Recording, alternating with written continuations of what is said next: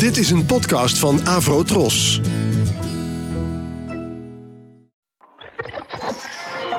Ladies and gentlemen, The Fab Four. Fab Four. John, Paul, Fab Four. George, Ringo. Four. Fab Four. Fab Four. We have for you the Fab Four. Fab Forecast.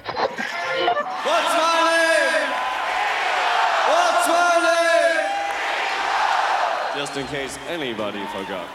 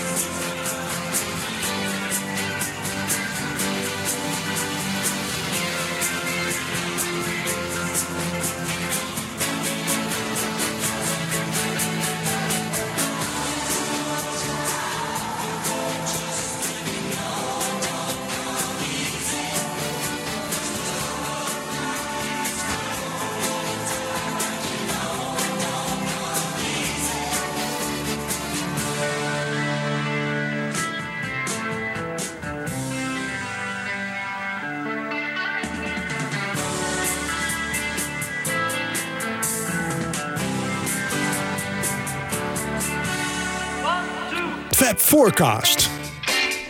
It don't come easy. Ringo Starr en George Harrison. Welkom podcast luisteraars bij weer een nieuwe aflevering van Fab Forecast. Ja, Ringo Starr. We moeten er toch een keer aan geloven, mannen. maar ik, eh, ik hoop het met deze aflevering een klein beetje eh, wat uh, draaglijk aan te kleden. Omdat het thema een beetje is de liedjes die John, Paul en George hebben geschreven voor Ringo Starr. En dan gaan we in op liedjes in de solo-tijd, in de solo-carrière van Ringo Starr. Ehm, dit nummer was, ja, staat op naam van Ringo Starr geschreven, maar dat is later wel naar buiten gekomen. Ringo heeft het eigenlijk helemaal niet uh, geschreven. dat is George Harrison geweest. Hij is er later toegegeven, maar hij was zo vriendelijk om Ringo de writing credits uh, te geven. Om hem uh, ja, toch een extra zakcentje te geven. Heeft, Ja. hij, heeft hij echt helemaal niets aangeschreven? Dat vind ik ook wel moeilijk te geloven. Maar Nee, nou, voor mij is het echt een George Harrison compositie. dat hoor je ook een beetje in het Hare Krishna. natuurlijk. Ja, het is, Sowieso, het is- ja. Je hoort het wel, volgens mij. Ja, En ja, dit, ja. dit klinkt ook, want dit is een duet. eh, het- of is het een demo die George voor Ringo geschreven heeft? Ja, het eh, is dus in eerste instantie een soort demo geweest eh, van George. Ehm, die nu vermengd is met de studioversie die Ringo later heeft eh, opgenomen. Ja, ja. Deze versie ben ik op, eh, op YouTube tegengekomen. Ik En, vind eh, het trouwens heel erg mooi. Ja. ja. Dat is ja. leuk. Als George binnenkomt, heel gaaf. ja. Ja. het is een mooie versie inderdaad. Maar waarom krijgt Ringo de credits? Nou ja, dat zijn vriendjes van elkaar natuurlijk. Jawel, maar dat doen Paul en John hebben ook nummers voor hem geschreven en toen kreeg hij ook niet de credits. Eén keertje met The What Goes On. Daar heeft hij geloof ik, ja, maar daar heeft hij vijf woorden, zei hij laat. Vijf woorden of zo aan mee eh, geschreven. En toen hebben ze hem erbij gezet. Ja, Maar wel naast Lennon en McCartney. ja. Maar in die solo-periode is dat toch het enige geval geweest, hè? Dat hij eh, het gewoon gekregen heeft, of niet? Ja, helemaal gekregen wel, ja. Ja, Ja. ja. Bij Photograph moet je je ook nog afvragen of dat eh, niet een, een grotendeels door George Harrison is geschreven. Maar goed, laten we dat op een koopcompositie houden. Ja. Maar eh, nu ik toch even met jou aan het babbelen ben, Jan Kees. Hoe zou jij een Ringo-liedje karakteriseren?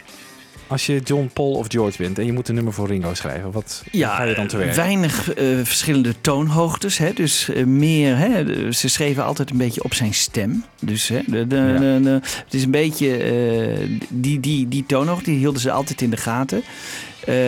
Niet te ingewikkeld, niet te snel. Ja, ik denk makkelijk in het gehoor liggend. Ja, dat is het wel ongeveer zo. Ja, Michiel nog wat aan toe te voegen? Nou, dat klopt denk ik wel. Dan, dan denk ik aan Yellow Submarine, aan With a Little Help from My Friends. Hè, dan een beetje bekende Ringo-materiaal. Maar Ringo kon wel meer, als je naar Good Night luistert bijvoorbeeld. Hè. Dat vind ik altijd een aardig voorbeeld. Dat John dat eigenlijk schreef en zelf zou hebben kunnen zingen. Ja, en zich er eigenlijk een beetje voor schaamde, zo'n softe kant. Hm. Ja, Dat is dan maar aan en dat laat hij aan Ringo over. Met tot heel, met heel mooi effect eigenlijk. Ja, Dus hij Ja, kon wel maar meer. du- du- du- Ja, ja. Weet je, het is niet, het is niet weer. Maar hij kon ook heel teer zijn. Hij kon een kinderliedje goed aan, maar hij, kon ook, hij had ook een hele mooie tere kant, denk ik. ja. Ja, Nou goed, we hebben Maar goed, eh, maar ja. toch niet echt een hele Nee. rauwe rockkant of zo. Hebben Nee, hem toch meer niet, eh. country, een beetje, eh, ja. Ja, ja. country wel heel goed. Ja. Ja. Ik, ik zou echt willen, want hij heeft natuurlijk dat album Bocoops of Blues eh, eh, gemaakt, dat country album in Nashville. Ehm, dat hij meer die kant op was gegaan. Dat heb ik volgens mij in de introductieaflevering ook wel eens eh, verteld. Maar dat lijkt me meer een kant eh, voor Ringo, waarin hij echt een credible eh, artiest zou kunnen zijn geworden. ja. ja. Ja, het is jammer Ja. dat hij dat niet heeft, Niet heeft doorgezet. Ja, dat vind ik jammer. Maar ja, om al zijn platen hè, Ja, in die niet? stijl, Waarom niet? dat was wat eentonig geworden, of niet? Nou ja, je kan in country op zich, ja. Je, maar ja, hij komt er ook verder helemaal niet meer zo vaak op terug, hè? Nee, dat is ook waar. niet een nummertje Nee, dat is waar, dat is Ja. waar. Dat is waar. alleen die popkant, die grote Ja. Ringo natuurlijk. Ja. Maar die standards van eh, Sentimental Journey heeft hij ook nooit meer eh, gedaan. Hè? Dus Nee. dat is, was ook eenmalig. Ja, het is gek dat hij daar zijn solo carrière mee begonnen is. Ja. Met die twee eh, Ja, echt toch wel st- stijlbreuken voor... voor hem, ja. ja. Nou, we hadden het net even over de liedjes eh, tijdens de Beatles die eh, John Paul, en eigenlijk John en Paul hè, voor hem hebben geschreven. Even een korte compilatie van die vijf liedjes.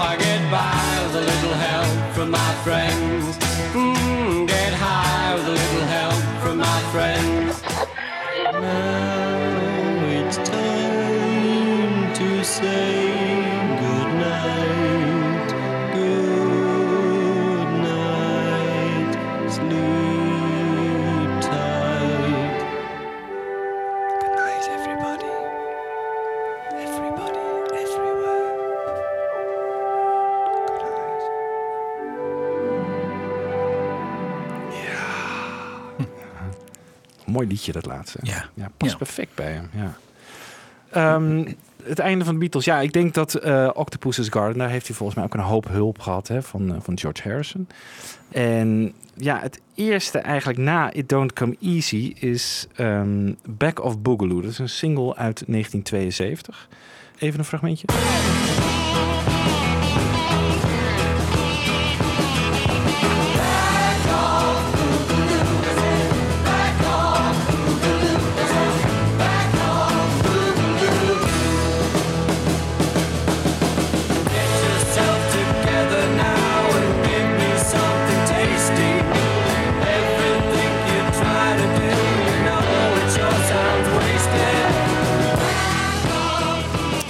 Schijnt eh, George Harrison dus ook eh, flink aan bijgedragen te hebben. En eh, wat ik wel grappig vond, is dat het liedje dus schijnt dus te gaan. Dat is een soort sneer richting Paul McCartney. Naar het niveau van zijn tot dan toe solo liedjes. En Get Yourself Together Now and Give Me Something Tasty. Kom op, je kan veel beter Paul, kom op. En wat ik wel grappig vond, ik zag laatst Paul McCartney bij Jimmy Fallon op de bank zitten. Jimmy Fallon is zo'n talkshow host in Amerika. En eh, ja, het was eigenlijk een beetje een onzinnig gesprek. Maar ehm, wat wel grappig was, is dat Jimmy Fallon hem vroeg naar zijn favoriete Ringo liedje. En toen antwoordde hij dit. Do you have a favorite Ringo solo? Um, I like Back Off Boogaloo. Oh yeah, that's a one. It Don't Come Easy. Don't come easy is good. He was one of the. He's like the. Is he like the first Beatle to come out with like hit after hit really fast? Yeah, he did. Yeah, yeah. yeah, yeah. Well, I mean, Yeah, well, it's yeah. okay. Yeah, I mean, but I don't hold that against him. Dat is wel grappig. Ik moest een beetje denken aan het concert voor George, waar Paul dus op een gegeven moment ook meespeelt op Wawa.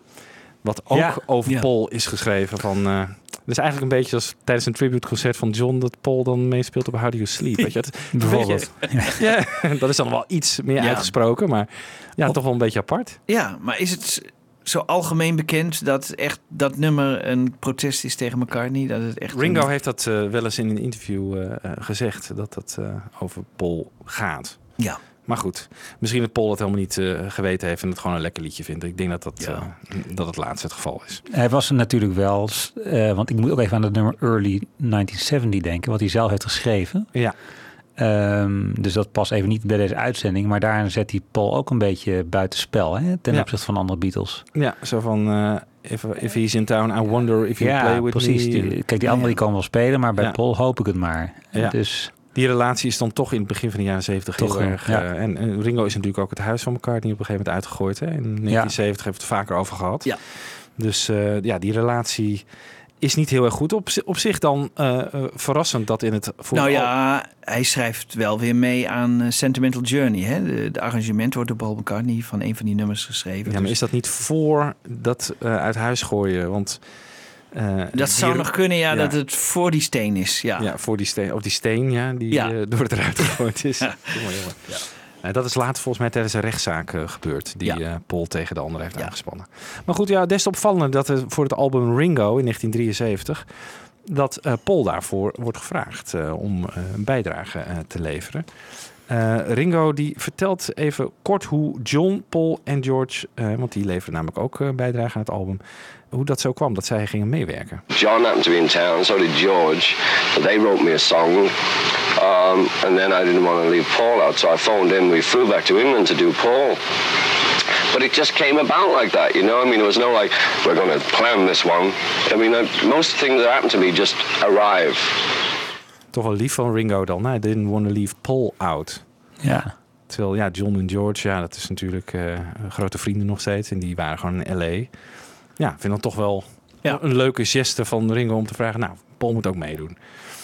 nooit tegelijk in de studio, nee, het werd bijna een reunie, hè, maar nooit tegelijk in de studio. Het had bijna gekund. Ja, Paul die ehm, mocht Amerika ook niet in... vanwege een eh, drugsarrestatie. Volgens mij in Zweden of zo. Of, er is iets gebeurd. Paul mocht in ieder geval eh, Amerika niet in... omdat hij daar geen visum eh, voor kreeg. Hmm.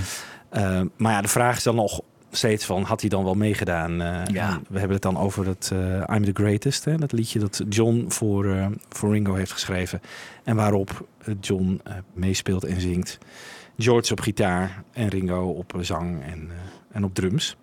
Ja. John heeft daar zelf ook een, een studioversie van, als, ja, om te laten horen hoe het moest klinken. Die versie heb ik nu even gemixt met de versie van Ringo. En daar gaan we even naar luisteren. Okay, should we try it? Okay, boys, this is it. Hey, hey, one, two, three, four.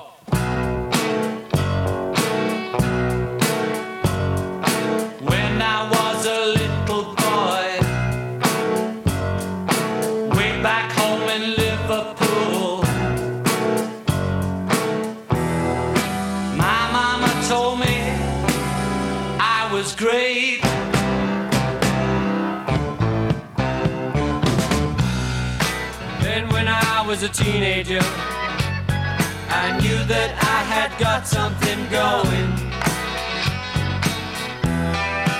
All my friends told me I was great.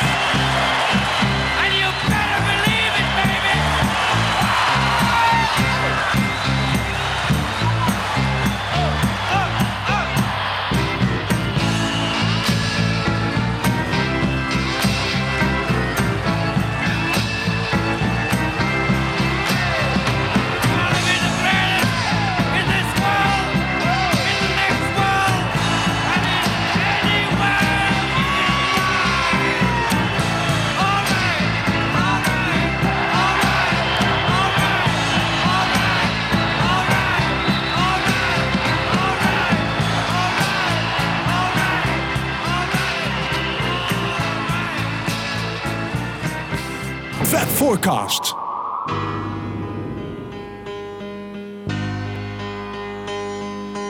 Six o'clock in the morning, you've just gone to sleep. I wipe a tear from my eye. It can't be the kind of company I keep that keeps me asking. You keep me asking. You keep me wondering why. I don't treat you like I like to treat you. Every planet in the sky is in your eyes, but I don't treat you like I. No, I don't treat you like I. No, I don't treat you like I should.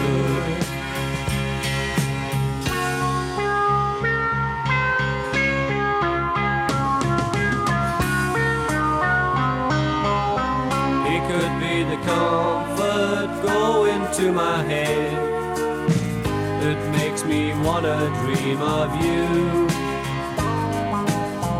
But while you're sleeping softly in your bed, I wanna tell you, I'd like to tell you, I'd love to tell you too.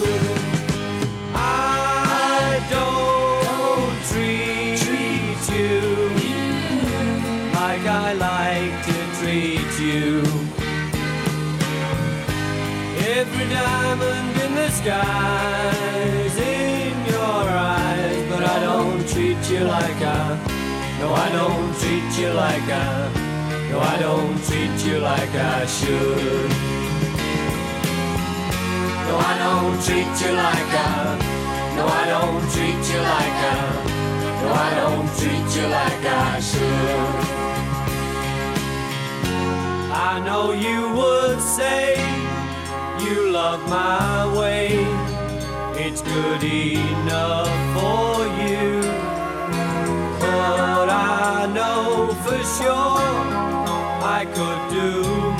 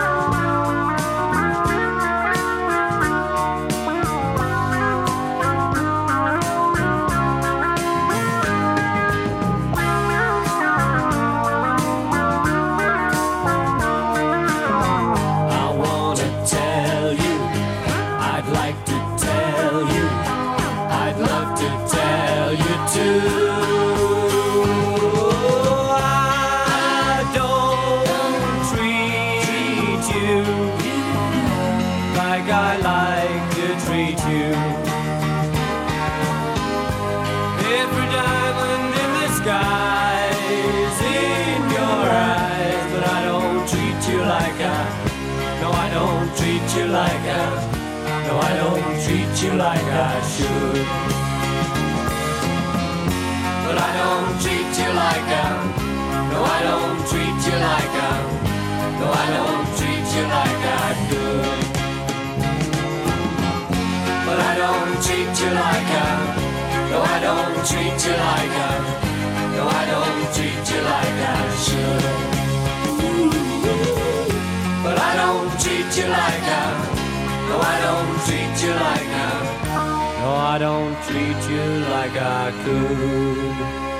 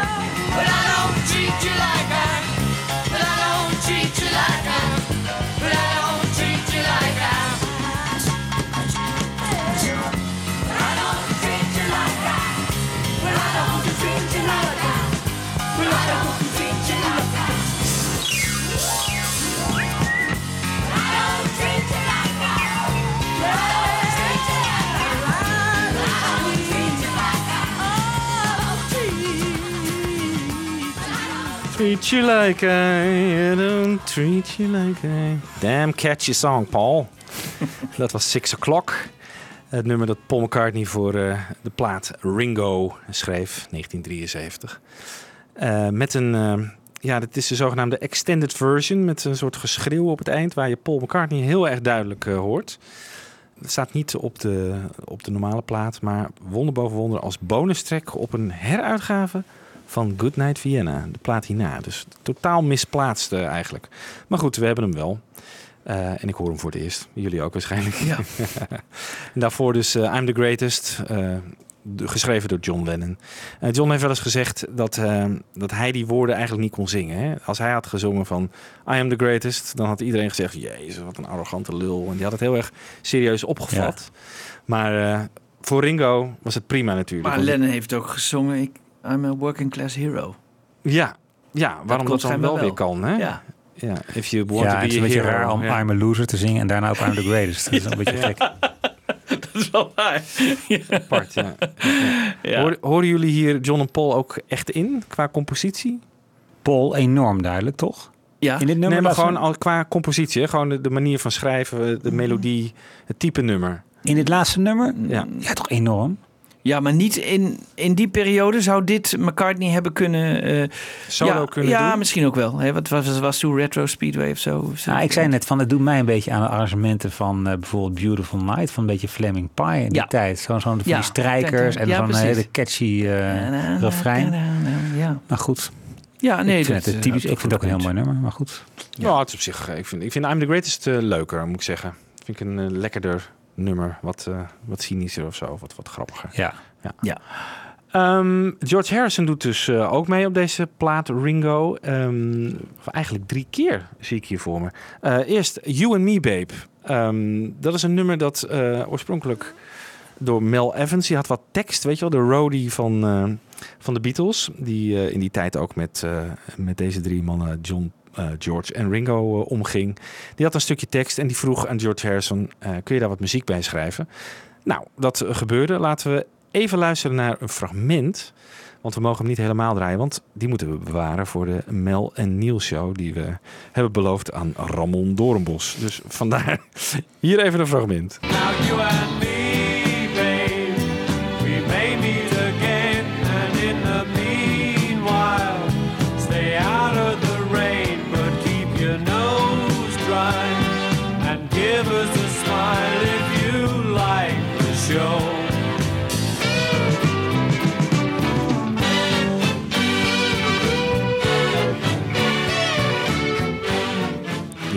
You and Me Babe. Geschreven door George Harrison en Mel Evans voor Ringo Starr. Maar heel even, hè, want eh, Mel Evans gaf dat dus aan George. In de bedoeling dat het voor Ringo was? Of hebben ze het dan aan Ringo gegeven? Want het is een rare zaak eigenlijk. Ja, ik weet niet. Misschien Oh. had Mel wel een solo-album gepland, je weet het niet. Nee, dat kan natuurlijk. Hè? Nee, Ja. ja. die liep gewoon met een stukje tekst rond. En misschien werd het een leuk liedje waarvan George op een gegeven moment zei van... hé, hey, misschien is het wel wat voor Ringo. Ja. Het is natuurlijk niet een heel bijzonder nummer of zo. Dat hoor je ook wel aan. eh. Ja.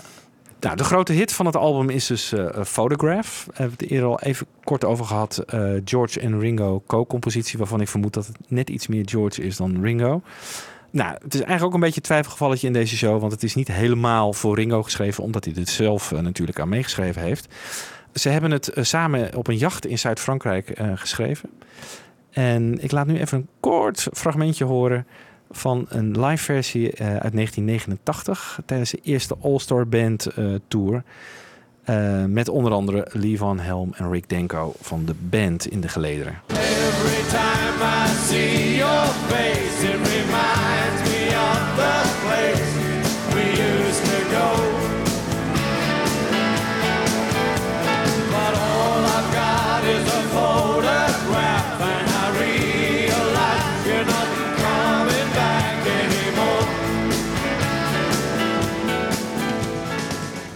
Ja, wat vinden we van het nummer?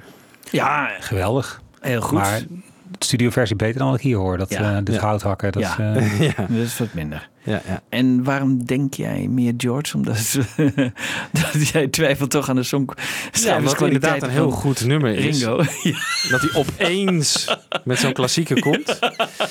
het Ik kan, hè? Je hebt ja. eh, one hit. Ja, ja, ja. Nou ja, het, het zou kunnen, inderdaad. Don't Pass Me By is ook een klassieker, toch? nee, goed. Ehm, het bruggetje met Lee Van Helm en Rick Denko is eh, een leuke naar de volgende. Want eh, op Sunshine Live For Me, Sail Away Raymond, tussen haakjes... een nummer van George Harrison... ehm, speelt vier vijfde van, eh, van de band op mee als begeleidingsband. Dat stamt weer uit een Ierse vakantie die George en Donovan ooit hebben gedaan in 1969. Was mij niet bekend dat die ooit op vakantie zijn geweest. Maar die hebben dit, eh, ja, de contouren van dit nummer geschreven eh, tijdens die vakantie. En die Raymond, die dus tussen haakjes zit, dat is de advocaat die namens Alan Klein diende in de rechtszaak tegen Paul. Oh, Dus, nou goed. interessant. Ja, interessant. Die wordt dus even lekker genamecheckt eh, in dit nummer. Nou, Sunshine Live for Me.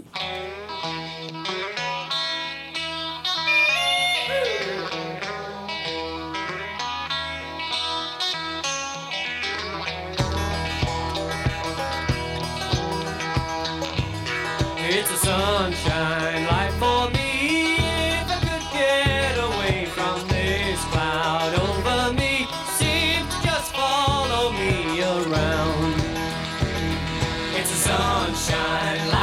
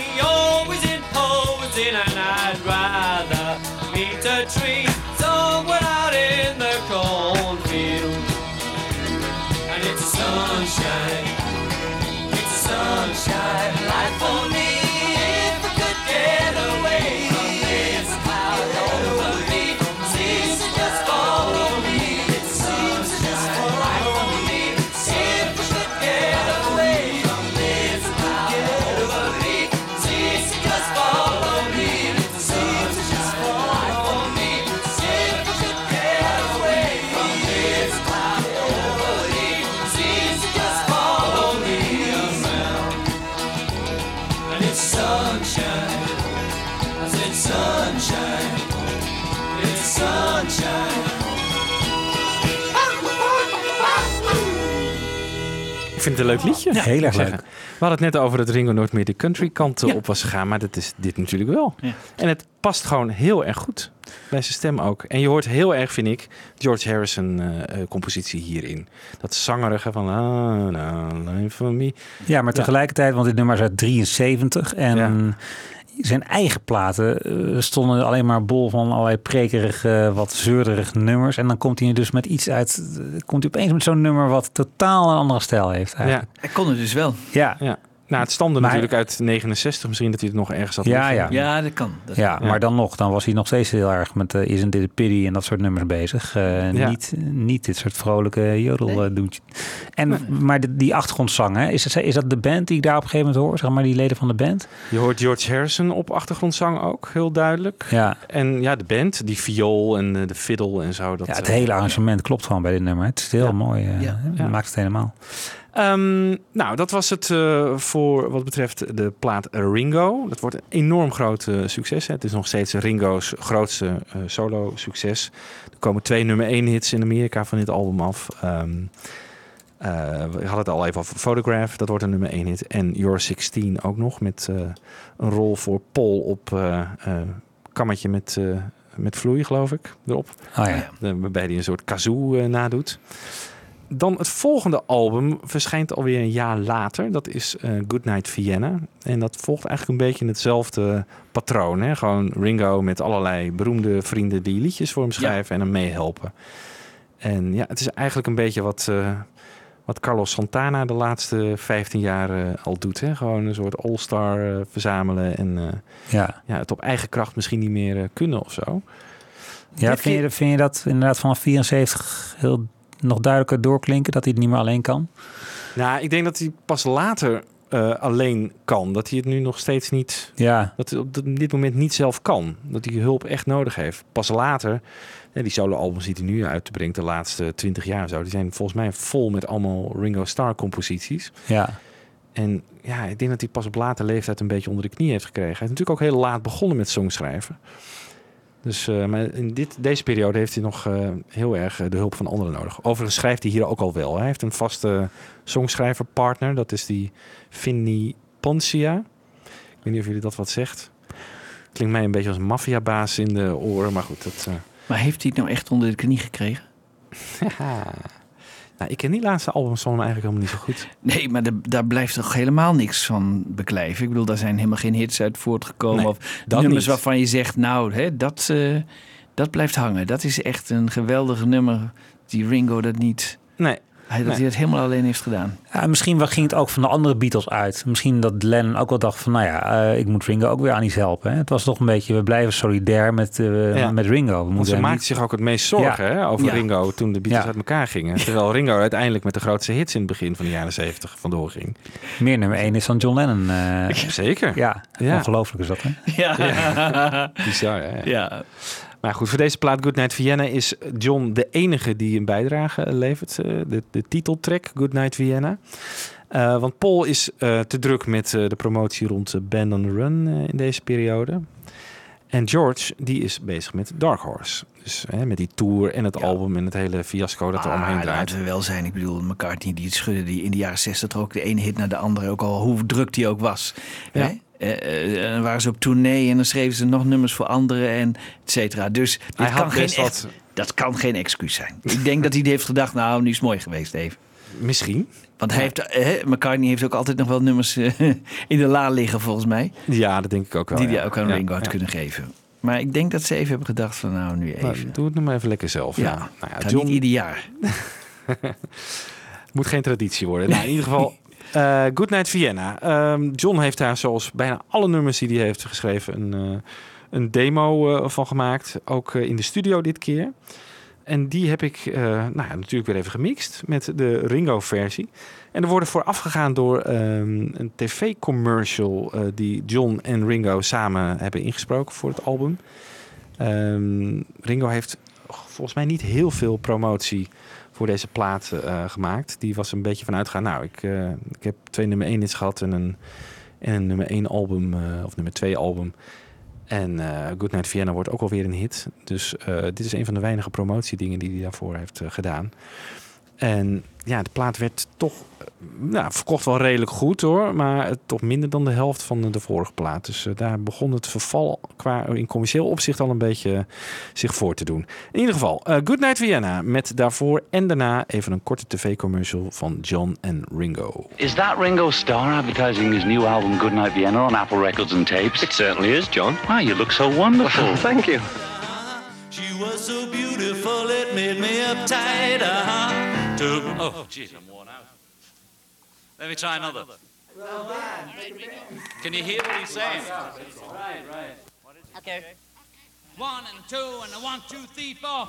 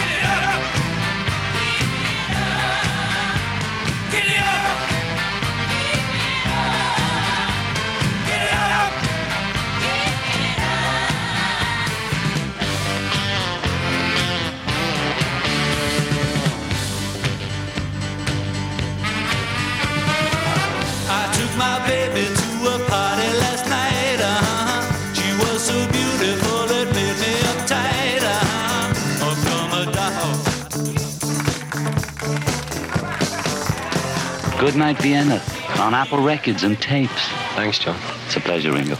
Good Night Vienna, John en Ringo. Die eh, versie van John, daar zitten ook eh, Ringo, die speelt daar eh, drums op mee. Dus dezelfde muzikanten op beide versies. Dan is er even twee jaar niks. Eh, dan komt het album Rotogravure. De deal met Apple is eh, dan afgelopen. Hè? De, en, eh, de solo Beatles kiezen allemaal hun eigen eh, label een beetje.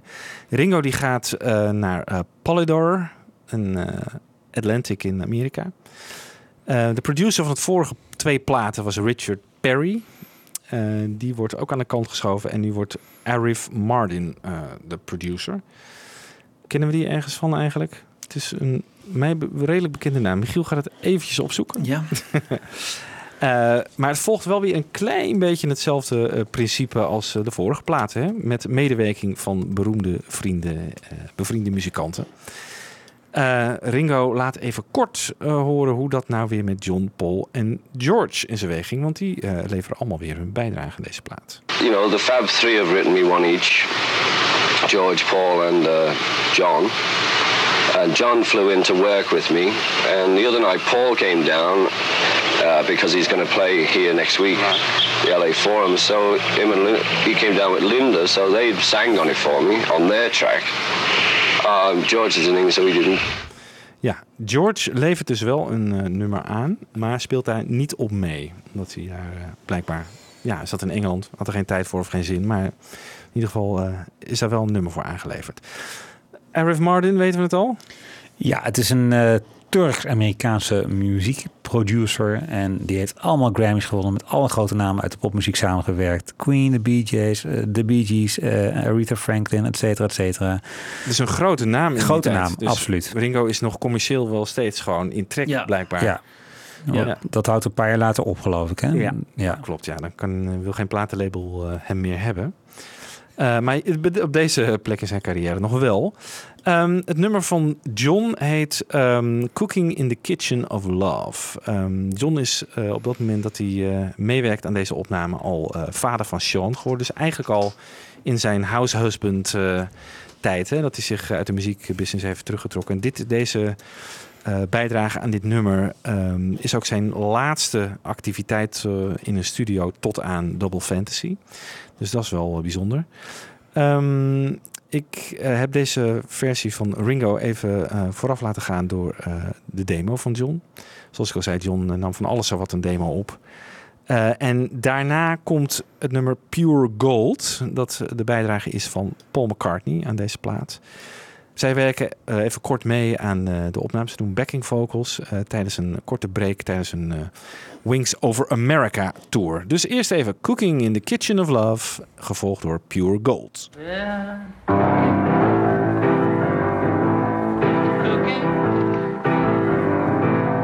Cooking in the kitchen of love. Cooking in the kitchen of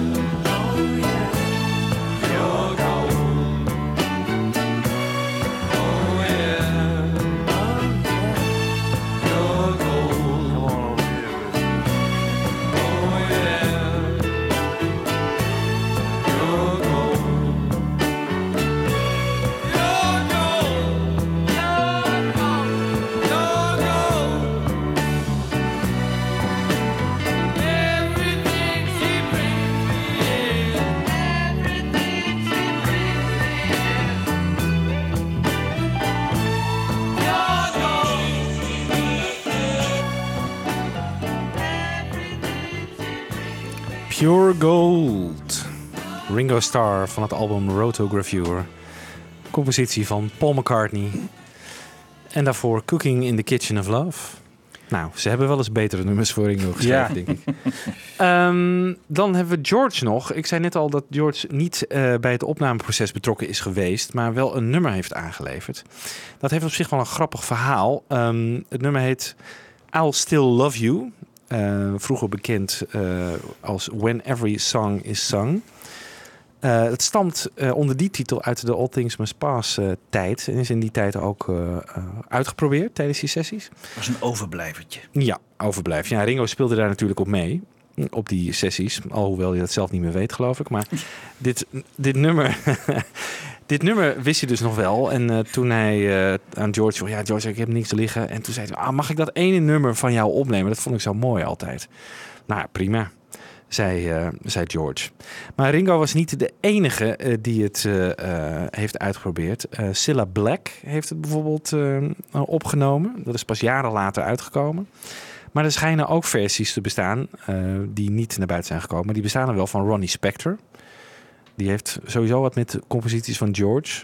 Eh, Try Some Buy Some heeft ze natuurlijk ook gedaan. Hebben we in een eerdere show aandacht aan besteed. Ehm, Mary Hopkin heeft ook een versie daarvan opgenomen. En Leon Russell. Wow. En die zijn dus allemaal niet naar buiten gekomen. En heel veel Beatle-kenners spreken er ook van... dat het een soort eh, onontdekt eh, klassieketje is. De van- heilige graal. van George. Maar dat het nooit tot volle wasdom is gekomen. En dat, eh, En ja. bestaat er een versie van die George alleen zingt? Eh, ja. Oké. En die gaan we zo ook. Daar heb ik weer een mixje van gemaakt van die versie van George. Eh, een korte bijdrage van Cilla Black. Want die opnames hebben we dus wel. En daarna de versie van Ringo.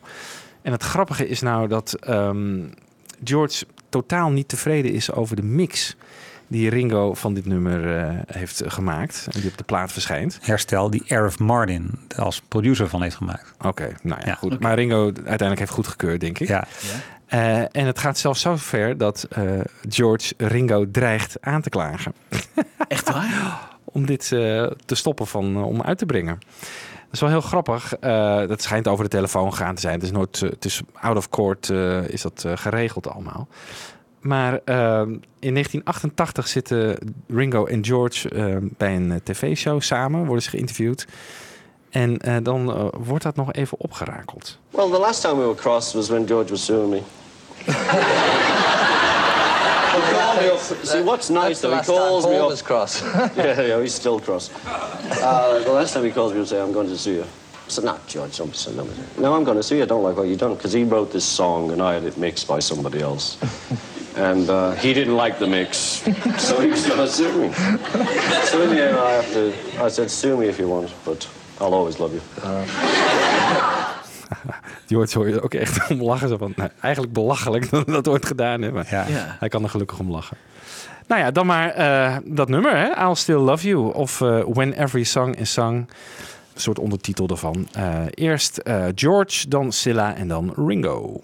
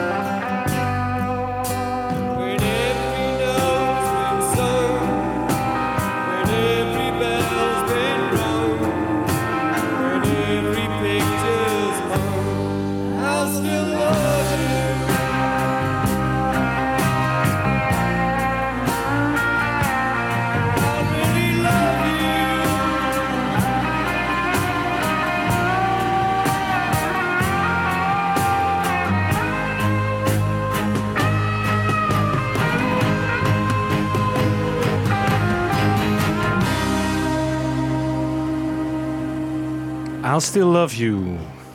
Ja. Ik, Is het het geef pareltje? toch- Nou, ik, ik ken dit nummer ook van, van inderdaad van outtakes van George Harrison. Die begin, die, daar is ook nog een wat mooiere mix van, van te krijgen. En ik vind het wel een mooi nummer. Ik, ik blijf bij dat George Harrison's eh, origineel het mooiste is, maar eh, het is werkelijk een mooi nummer. En eh, onbegrijpelijk waarom dat niet eh, op eh All Things Must Pass is verschenen. Omdat er ook een stuk zitten van, van eh, improvisaties en zo die eindeloos duren. Ja. Dan denk je, god, dit nummer had er best op gekund. Ja, ik vind het ook wel heel goed bij Cilla Black passen, moet ik zeggen. Ja. Echt zo'n dramatisch mooi, met een orkest erbij. Dat, dat, Ja. eh, dat, dat kan prima. Ik ben heel benieuwd naar die anderen die eh, nooit zijn uitgebracht. Ja, ja, ja. Wat vind jij ervan, Michiel? Ik vond het ook heel mooi. Eigenlijk met name na het stukje Cilla Black dacht ik van wow, dit is echt een eh supermooi nummer. Dat eh, had ik wel helemaal willen horen, maar goed, dat kan nog wel een keertje. Dat kan wel, moet je maar in je vrije tijd doen, Ja. ja. Michiel. Ja. Ik geloof dat George het ook schreef met Shirley Bassey in zijn hoofd. Hè? Dat eh, Oh. kun je er ook wel een beetje aan horen. En ik vond ook niet echt dat Ringo's versie nou zo overdreven slecht was. eh, Nee, qua mix. Nee. Nee. Hè? nee, viel mee toch? Nee. Ja, ja. George zal wel weer in een moeilijke fase hebben gezeten. precies. Dat moet ook. Hij lachte er zelf ook om. Dus. Ja, precies. Nou, dit album Rotogravure, of Rotogravure wordt geen ehm, groot succes. Hij doet, nog wel, hij doet wel veel promotie, moet ik zeggen. Hij is onder andere daarvoor in Nederland geweest. Hè, bij, eh, voor de Vuist Weg bij Willem Duis. Oh ja, dat hij zijn eh, das afknipt. Ja, ja, Ja. dat was voor deze plaat. En, eh, maar goed, het heeft allemaal niet mogen baten. Ehm, daarna komen nog Ringo the Fourth, eh, dus een plaat, en Bad Boy. Ja. Nou, dat zijn allebei eh, nogal draken van platen. En volgens mij is naar aanleiding van ehm, Bad Boy een beetje begonnen dat geen platenlabel hem wilde hebben.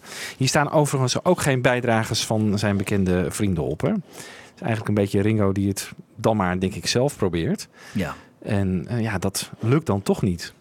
Waarom wil nou geen platenmaatschappij Ringo Starr hebben? Ik bedoel, in Nederland eh, heeft het kleinste bandje nog een contract met een platenmaatschappij, bij wijze van spreken. En dan nemen ze Ringo Starr niet. Ja, ik kan me voorstellen, ik bedoel, het is geen hoogvlieger, maar je verdient er toch altijd wel wat aan? Zou je zeggen, ja. Ik denk in de jaren tachtig, op een gegeven moment zijn die artiesten zo ontzettend afgeschreven. Dan, moet je, dan gaat het echt niet meer om aantallen waar eh, de platenmaatschappijen blij van worden. Die denken gewoon van, nou dan eh, Nee. ko- koop liever wat nieuws. eh, kijk, kijk liever wat voor nieuws er te bieden is dan, dan dit, deze oude meuk nog eens een keer opwarmen. Dat, Ja. ja.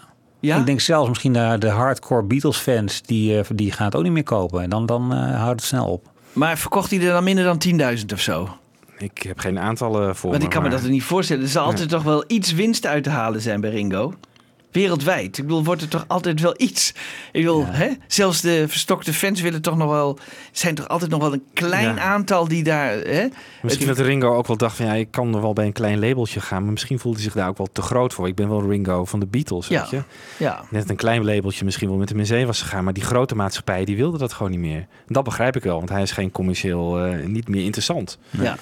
Voor zo'n grote maatschappij. En hij zat natuurlijk wel bij de grote, hè? Polydor en Atlantic. ja, en ik kon niet meer via Apple of zo. Hè? Dat, eh, Nee, bestond niet meer. Bestond nog wel, maar was slapend, geloof ik.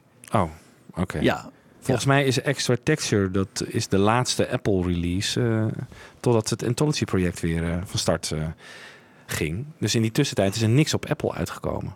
Nee, dat is waar. Maar hij had het misschien kunnen doen. Ja, ik weet het niet. Eh, Nee. Ja, weet je, het verkocht niet meer zo goed. Nee. Maar goed, ehm, het gaat nog wel eh, eventjes eh, de goede kant op eh, rond 1980, 1981. Want dan gaat Ringo weer volgens het oude concept, omdat alles natuurlijk mislukt. Volgens het oude concept met de bekende vrienden eh, weer een plaat maken. Hij vraagt John, Paul en George weer om bijdragers. John schrijft twee liedjes voor Ringo. Dat zijn Life Begins at 40 en Nobody Told Me. En Nobody Told Me kennen we natuurlijk. Hè? Dat Ja. is postuum uitgebracht. Een heel erg lekker nummer. Waarvan ik het eigenlijk een beetje vreemd vind dat John dat eh, voor Ringo eh, had bedacht. Want dat vind ik eigenlijk veel te goed. Nou ja, daar heeft John eh, Ringo demootjes van gestuurd. En er stond een opnamesessie gepland voor januari 1981. Maar ja, dat heeft niet zo mogen zijn helaas. Ehm, de demo's hebben we wel, dus we kunnen een klein beetje ons voorstellen... hoe, hoe Live Begins at 40 bijvoorbeeld is nooit officieel uitgebracht. Eh, hoe, dat, ja, hoe Ringo dat had kunnen doen. Waarom heeft Ringo dat niet postuum uitgebracht? Dat heeft hij altijd geweigerd, heb ik eh, ergens gelezen. Hij wilde dat absoluut niet. Hij was te ondaan door wat er allemaal gebeurd Oh, is. ja. Dus hij dacht van, ik ga die nummers niet opnemen. Dat is veel te emotioneel voor me. Dat heeft hij tot op de dag van vandaag ook niet gedaan. Nee, hij had het later wel kunnen doen natuurlijk. Ja. Misschien voelt het een beetje als lijkenpikkerij of zo. Dat zou kunnen hoor. Terwijl het wel oorspronkelijk voor hem bedoeld Ja. eh, was natuurlijk. Ja. Goed, hij heeft het niet gedaan. Dat zie je het hem ook wel, vind ik hoor. Dus laten we even luisteren naar eh, Nobody Told Me en Life Begins at 40. De demo's die John voor Ringo maakte. This one's gotta be for Ringo. Everybody's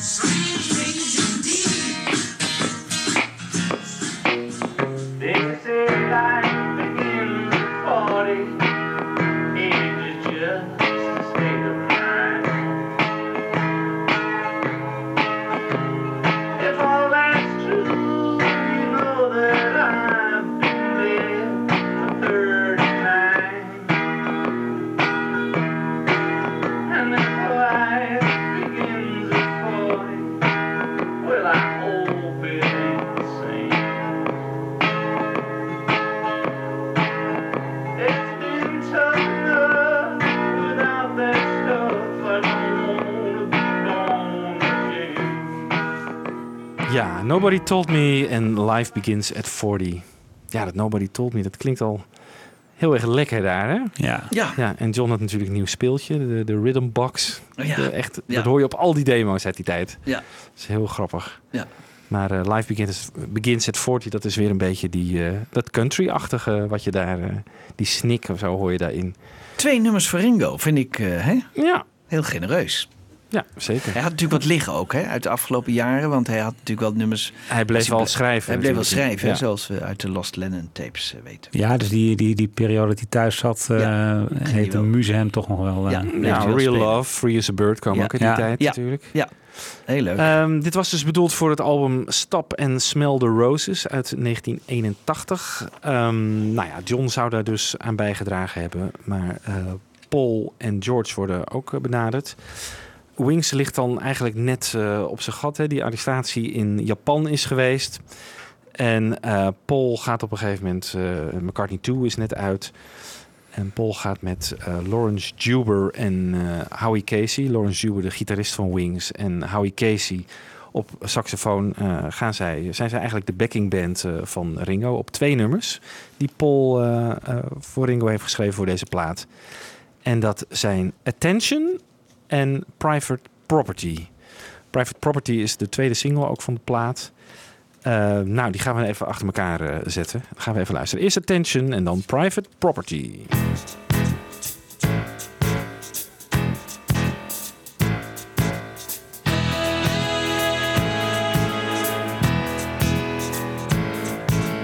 Everybody needs attention.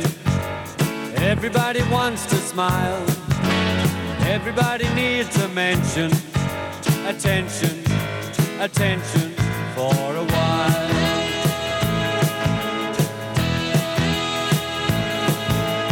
Come on, baby,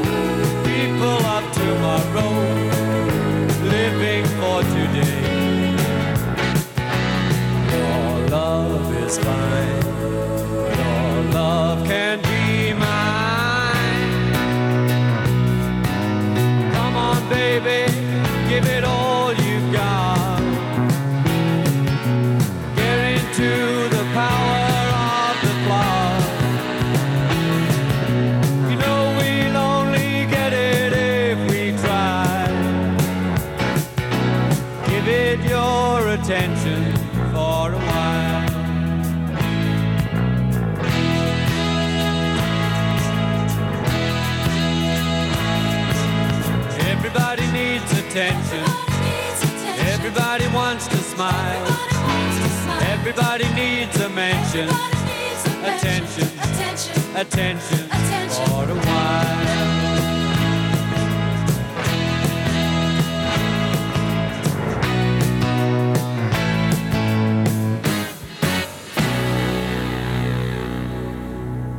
Give me your attention for a while.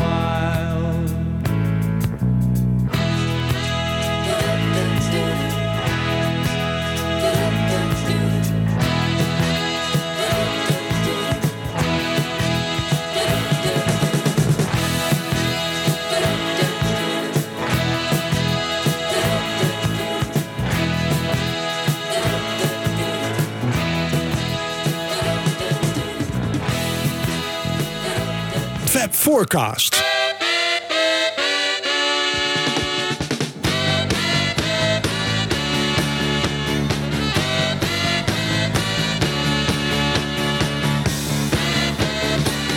private property. Don't run off with it, you'll be breaking the law. Love monopoly, my philosophy. Don't go fooling with private property.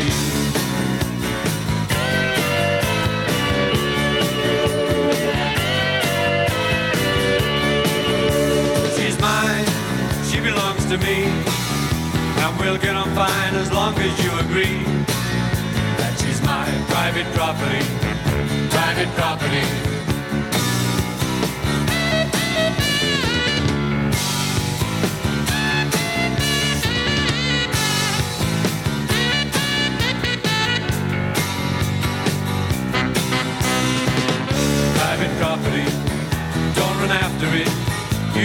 Be facing a charge. Have some common sense. You get off the fence. Don't go fooling with private property.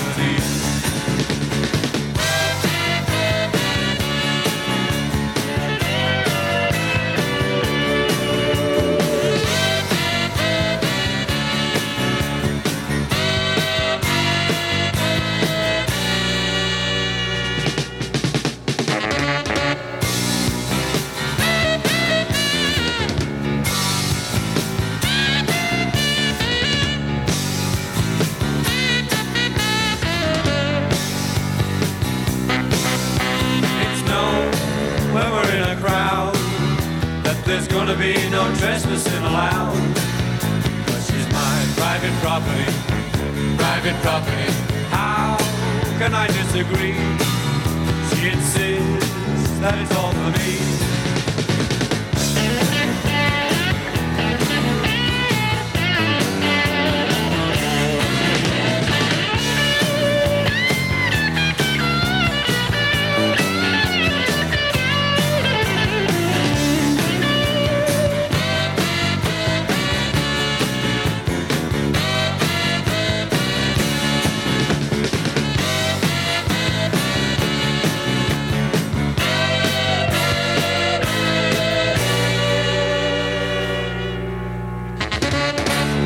Private Property en Attention. De nummers die Paul McCartney voor het album Stop and Smell the Roses eh, aanleverde voor Ringo. Ehm, ja, niet heel bijzondere Nee, nummers. Hè? Het zijn nee. nummers die Paul volgens mij in zijn slaap eh, bedenkt bijna. Ja. Niet Nee, dit waren Nee, geen toppers. nee, geen toppers. Maar hij dacht natuurlijk John twee nummers, dan ik ook twee nummers. Ja, ja, hij heeft ze ook geproduceerd trouwens. En hij heeft zelfs nog met dezelfde bezetting, hè, met die Lawrence Duber eh, op bas, nee, op gitaar en eh Howie Casey op saxofoon. En Paul zelf op bas en piano. En diezelfde eh, opstelling is ook gebruikt bij Short to Fall. De cover van een Carl Perkins eh, nummer. Ja. En nog even, hè, dit is dus na het hele Japan-incident, of niet? Ja.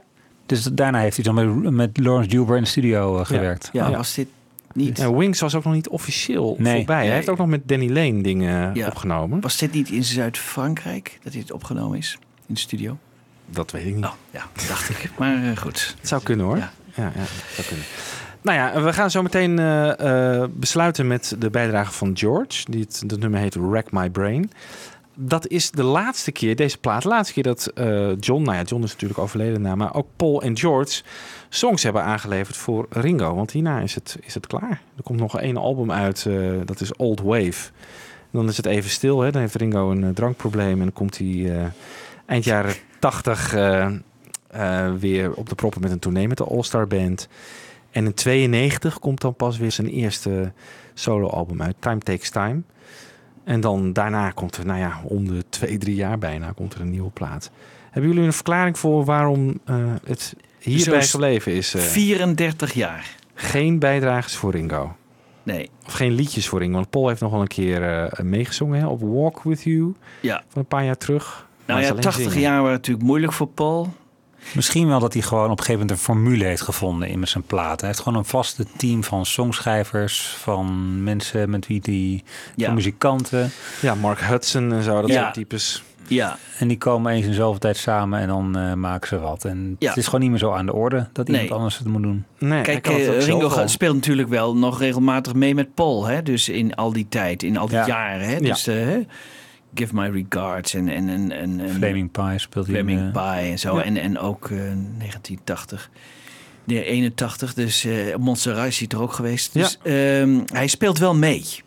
Dus, eh, maar eh, andersom, eh, nee, is het eh, over. Maar Ja, nou, Ringo heeft natuurlijk zijn solo carrière toen ook op een lager pitje gezet. Omdat het gewoon ja, geen platenmaatschappij meer wilde hebben. Dus er was eigenlijk weinig aanleiding. Tien Ja. jaar lang. En ik geloof dat McCartney toch ook niet meer nummers schrijft hè, voor anderen. Hmm, Nou, dan zeg je wat. Dat weet ik echt niet. Dat Nee, niet dat we toch zo direct zeggen van... hé, hey, ja, dat heeft hij speciaal voor die of die geschreven... en nooit zelf uitgebracht. Nee, alleen de Everly Brothers op een gegeven moment halverwege jaren tachtig. Ja, dat is, de, dat is, denk ik Wings de- of the Night. dat is denk ik de laatste geweest. 30 jaar geleden of zo. Ja, Ja, ja. Ja. Wat nog wel grappig is, eh, we hadden het net over Time Takes Time. Dat, die plaat die in 92 uitkomt. Eh, voor die plaat ehm, is er wel een co-compositie tussen Paul en Ringo eh, geweest. Het nummer eh, schijnt Angel in Disguise te heten. In Disguise, dus in vermomming. Ehm, was bedoeld voor die plaat, maar ehm, het is er niet opgekomen. Het is op het allerlaatste moment afgehaald. Eh, het schijnt een Paul McCartney-compositie te zijn geweest. eh, waar Ringo een extra couplet voor heeft aangeleverd. Meestal was het eh, de andere kant op. Hè, dat Ringo een nummer had en dat George het moest afmaken. Eh, dat is dus ehm, niet uitgekomen. Wat wel een Paul McCartney en Ringo Starr compositie is. En is de enige volgens mij die uitgekomen is. Weten jullie dat?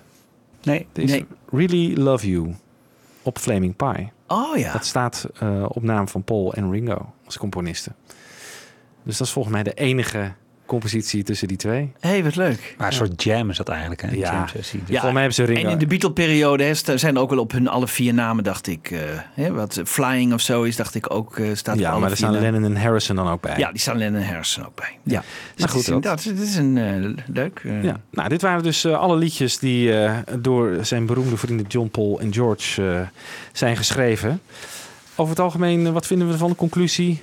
Eh, zitten er eh, pareltjes bij die ze voor hunzelf hadden moeten houden en niet aan Ringo hadden moeten geven? Nee, hoe later ze... In het begin zijn echt... De hè, Photograph is echt een topper geweest. Maar daarna werd het toch Ik al voel wel- iets van een dalende lijn in de kwaliteit. Ja. Ja. Ja. met name door deze laatste twee nummers. Ja, maar I'm the Greatest was nog leuk. En, maar dan Ja. wordt het toch En dat Sunshine. Live for Me was ook Oh, wel heel leuk. leuk. Ja, ja. Maar we krijgen Wreck My Brain eh, nog, jongens. Oh, ja, dat vergoedt veel. We gaan het worden, in ieder geval. Eh, dit was eh, de aflevering over eh, Ringo. Die we toch op een eh, redelijk toegankelijke manier hopelijk eh, hebben gebracht. Eh, in de toekomst waarschijnlijk nog wel eens een keertje een show over, eh, over Ringo. Eh, daar ontkom je niet aan als luisteraar van Fab Forecast natuurlijk. Eh, we besluiten met Rack My Brain en tot de volgende keer. Rack my brain.